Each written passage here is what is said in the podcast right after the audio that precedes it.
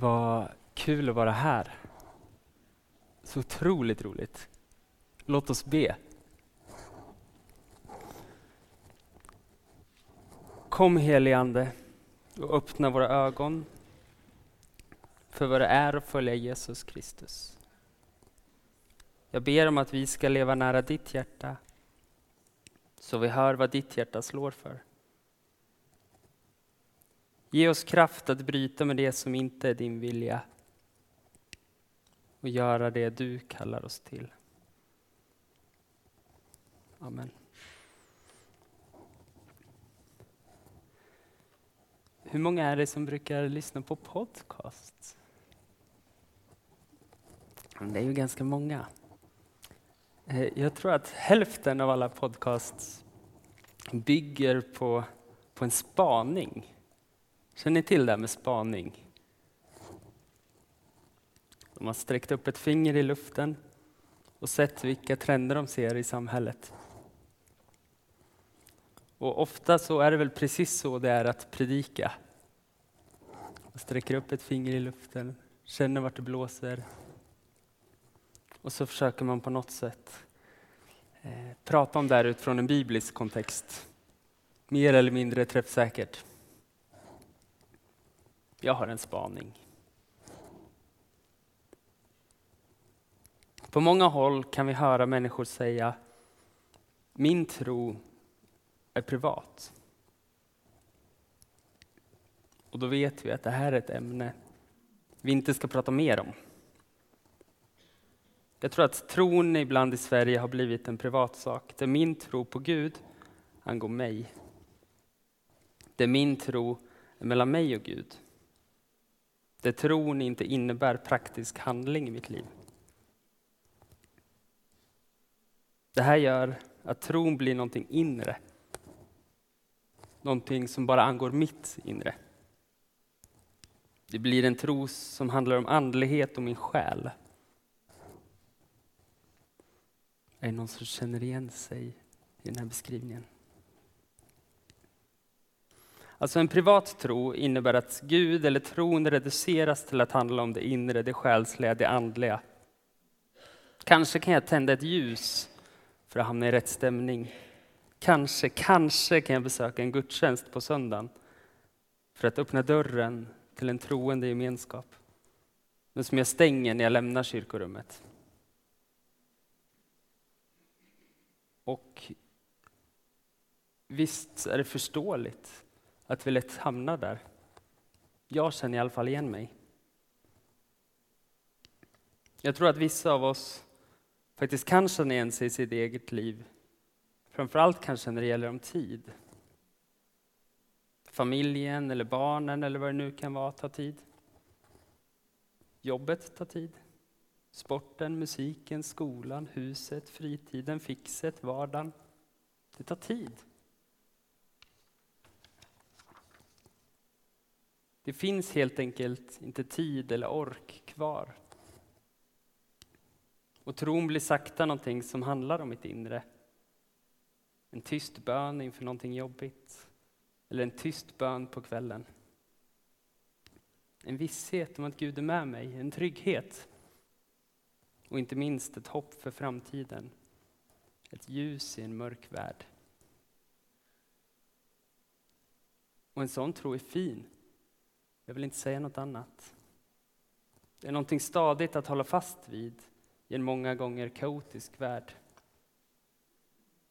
Men den är begränsad, oerhört begränsad. Gud har mer för oss. För mig påminner det här, eh, som jag tycker mig se, eh, någonting som växte fram några årtionden efter Jesus uppstått. Och den första kyrkan började sprida sig ut över världen. Det kallas för gnosticismen. Och den här rörelsen delar upp världen mellan det inre, det andliga, det själsliga och det fysiska, alltså kroppen, våra kroppar. Den delar upp det. Det inre tillhör evigheten. Det fina, det reniga, det heliga. Medan kroppen tillhör det smutsiga, synden, det världsliga, det mänskliga. Därför så delar den här rörelsen upp det andliga och det kroppsliga. Det andliga ska befrias från kroppen. Anden ska på något sätt bli fri från kroppen. Och det här kan låta ganska bra. Att bli befriad från synden. Fri från mina osunda begär, fri från det världsliga. Men det här rev sönder människor och församlingar. Det sårade, det splittrade. För det var och är inte sant. Vi är människor, mänskliga, vi är kropp. För Gud har skapat oss så. Men detta skapar också ett främlingskap med Gud. För Gud är 100% Gud och 100% människa genom Jesus. Gud är kropp. I hela Bibeln kan vi läsa att Gud är en del av sin skapelse, av jorden, av världen. Om vi tror det så kan vi också se det. Gud är överallt. I naturen, i komplexa kretslopp, i bergens eller havens skönhet, i fågelsång, i små, små celler i våra kroppar, där vi möts. Och det står på flera ställen att Gud stiger ner. Jag har några korta exempel. Efter skapelseberättelsen, efter Eva och Adam ätit av äpplet, står det De hörde Herren Gud vandra i trädgården i den svala kvällsvinden. Och när Mose är ute med sina får och ser en buske brinna så står det då Herren såg att han, alltså Mose, gick för att se efter ropade Gud till honom ur törnbusken. Mose, Mose. Men det kanske tydligaste exemplet är att Gud själv väljer att födas som en bebis. Och Jesus, 100% Gud och 100% människa, lever ett liv på jorden. Känner hur det är att vara människa fullt ut. Han gråter, han skrattar. Jag tror att han har växtverk. Han går på toa, han tvättar sig, han gör allt det där som vi gör. Och till slut så blir han avrättad på ett kors. Att han uppstår, det är en annan predikan.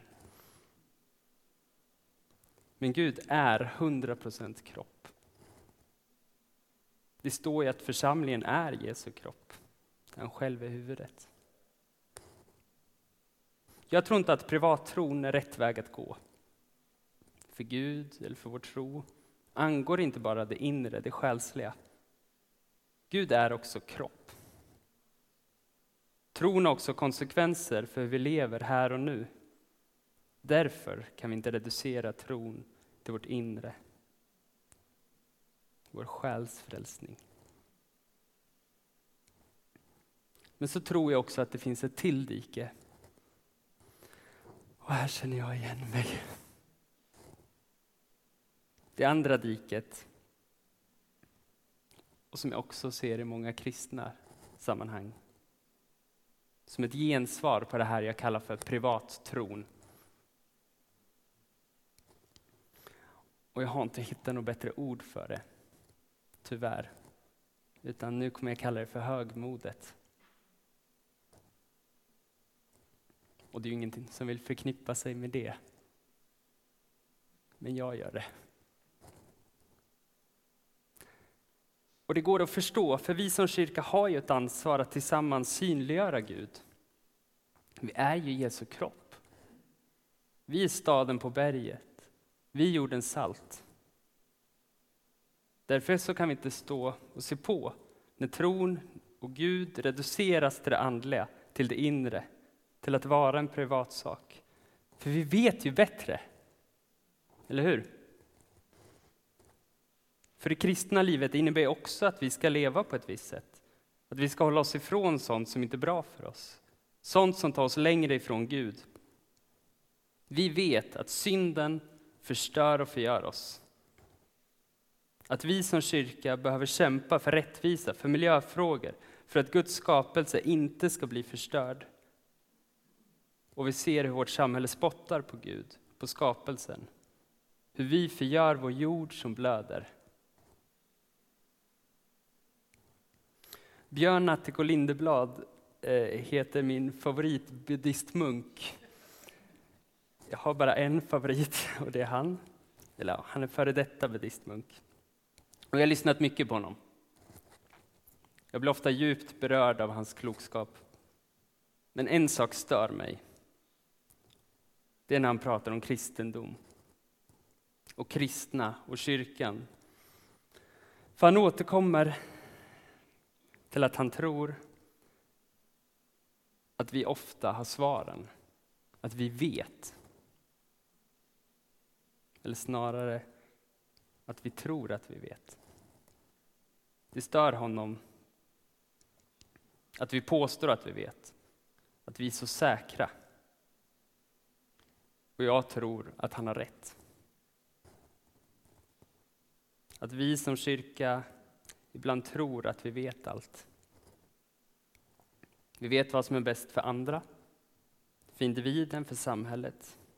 Jag tror att vi ibland moraliserar, inte minst gällande människors sexualitet, om relationer, om alkohol, om vad andra lägger pengar på.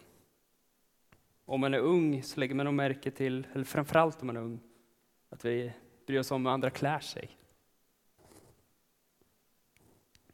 Om hur andras barn beter sig. Om manligt och kvinnligt. I Första Mosebok 3 står det om det vi kallar för syndafallet. När Adam och Eva äter av det förbjudna trädet och Gud skickar ut dem från paradiset. Ormen som lockar Eva att äta äpplet säger Ni kommer visst inte att dö. Men Gud vet att den dag ni äter av frukten öppnas era ögon och ni blir som gudar med kunskap om gott och ont. Det spelar inte så stor roll om vi tänker att den här berättelsen är en historisk skildring eller inte. Utan jag tänker att poängen är ni blir som gudar med kunskap om gott och ont. Är det här också en profetia? Är det det här som har ställt till det? Att vi människor, vi är ju faktiskt bara en del av skapelsen. Tror och påstår att vi själva är Gud. Att vi vet vad som är rätt och fel. Att vi vet vad som är ont och gott. Att vi moraliserar, predikar om hur människor ska leva sina liv. Det är precis det jag gör idag. Att vi dömer varandra och andra. Bibeln är full av varningar om det här. Döm inte så ska ni inte bli dömda. Och ta först, först bort bjälken ur ditt eget öga innan du tar bort flisan ur din broders. Jag pratar nog inte om högmod för att peka ut något specifikt. Utan för att jag tror att högmod ligger nära till hands för oss, för kyrkan. Jag tror därför att det, är det här temat är så återkommande genom hela Bibeln. Varningar om att döma. Om att tro att vi vet bättre än andra. Så kanske, kanske har Björn Natko Lindeblad en poäng. Tror vi som kyrka att vi har alla svaren? Om vi tror det, är vi då i behov av Gud?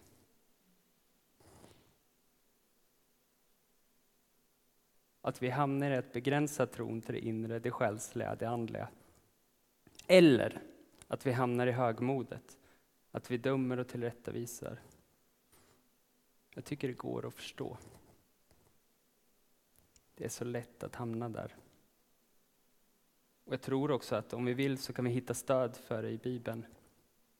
Bibeln är full med uppmaningar.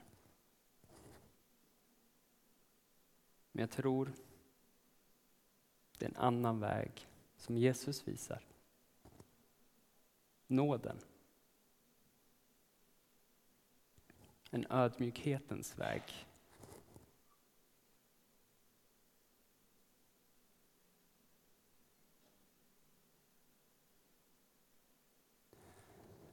Jag har försökt formulera vad nåden är. För jag kan känna doften av den. I en dimmig syn så kan jag på något sätt få syn på, på den.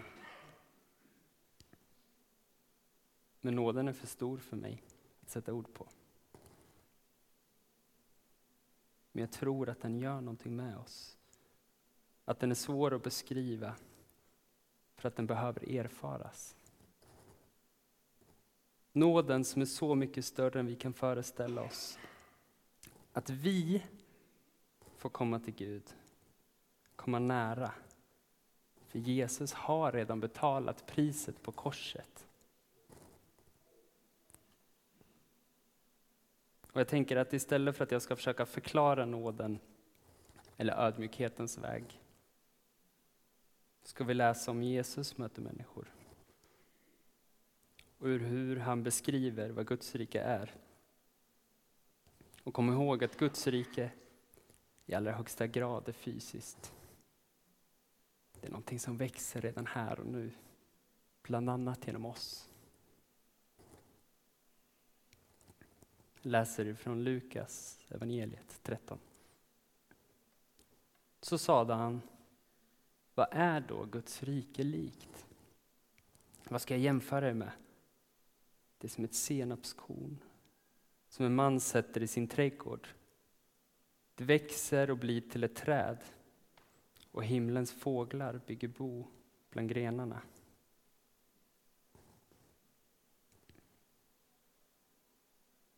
Guds rike växer inifrån, underifrån. Som ett litet, litet frö som växer till ett stort träd. Det här har ju inte minst Jesus förkroppsligat. Genom att Jesus, alltså Gud själv, hela jordens skapelse, alfa och omega, väljer att bli människa, född i ett stall med obetydliga föräldrar, från en liten, liten skitstad. Vår Gud är inte en vräkig Gud. Den personifierar ödmjukhet. Jesus tid på jorden fortsatte på samma sätt. Hans lärjungar är fiskare, i alla fall ett par av dem. Och de som följer honom verkar i hög grad vara människor som inte hade någon status alls. De verkar vara rätt simpla människor. Jag läser vidare ur Lukas evangeliet och det är Jesus som berättar en liknelse om Guds rike. Jesus svarade, en man skulle ha en fest och bjöd många gäster. När festen skulle börja skickade han ut sina tjänare att säga till de inbjudna, välkomna, allt är färdigt. Men alla hade de någon ursäkt att komma med. En lät hälsa, jag köpte en åker och är tvungen att gå och se på den. Förlåt att jag inte kan komma. Och en annan sa, jag har köpt fem oxar och måste ut och se vad de går för. Förlåt att jag inte kan komma. Och en tredje sa, jag har just gift mig så jag kan inte komma. Och när tjänaren kom tillbaka och berättade detta så grep hans herre av vrede och sa, gå genast ut på gator och gränder i staden och hämta hit alla fattiga och krymplingar och blinda och lytta. Och tjänaren sa, Herre, jag har gjort allt som du befallde, men ännu finns det plats. Då sa mannen till sin tjänare, gå ut på vägarna och stigarna och se till att folk kommer hit, så att mitt hus blir fullt. Jag säger er att ingen av dem alla som först blev bjudna ska få vara med på min fest.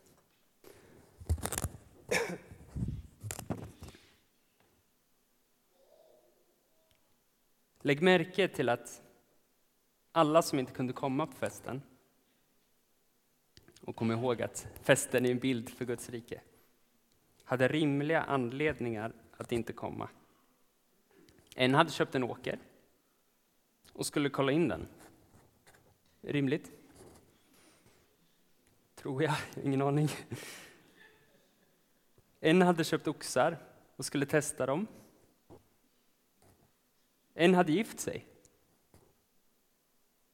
De var helt enkelt upptagna med jobb och privatliv. Det här påminner i alla fall om mitt liv. Men den, de som sen blev inbjudna då, och som kommer till festen, det är de sargade. Som tjänaren hittar på gator och i gränder. Fattiga, blinda och handikappade. vi måste förstå att det här är en tid där fattiga, blinda och funktionsnedsatta inte stod högt i rang.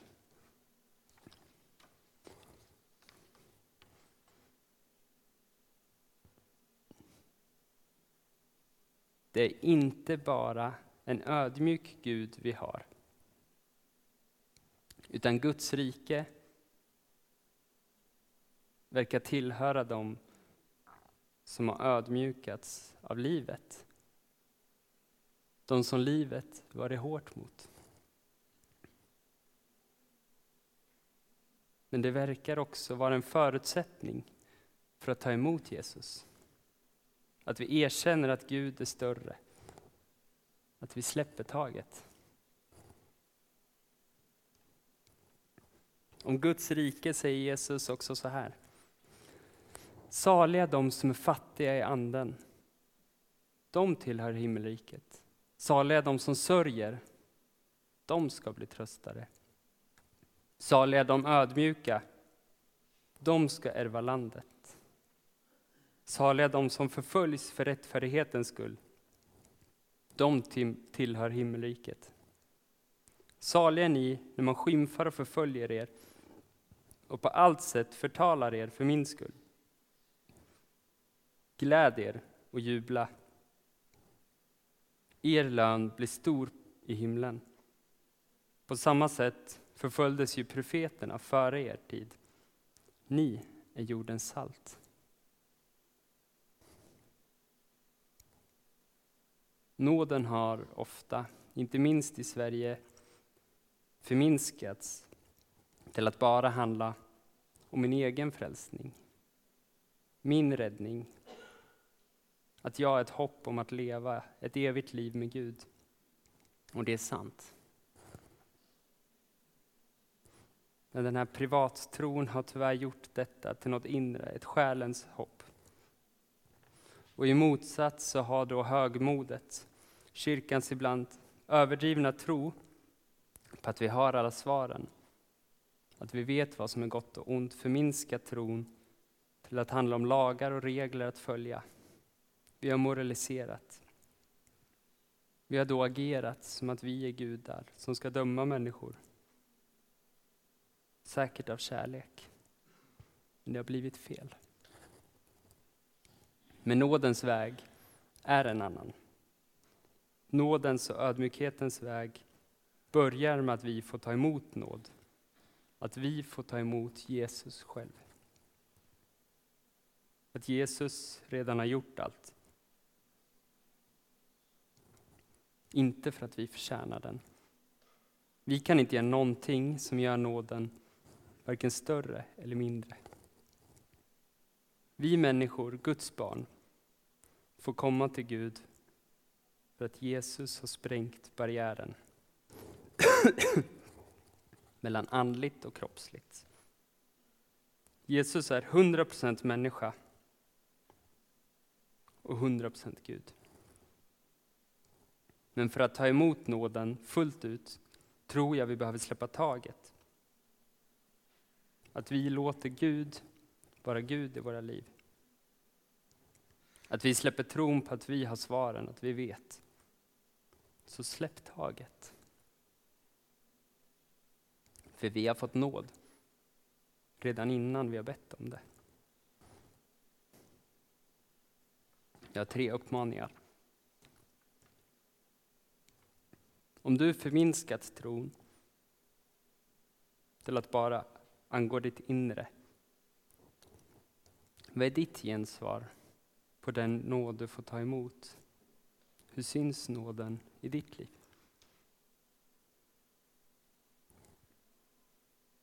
Om du dömer dig själv eller andra, är hård och kanske moraliserande. Vad betyder nåden för dig? Har du fått ta emot den nåd som Gud ger?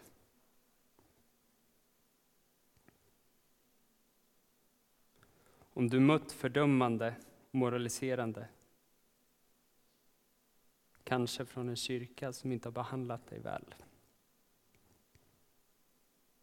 Ta istället emot av Guds oändliga nåd. Amen.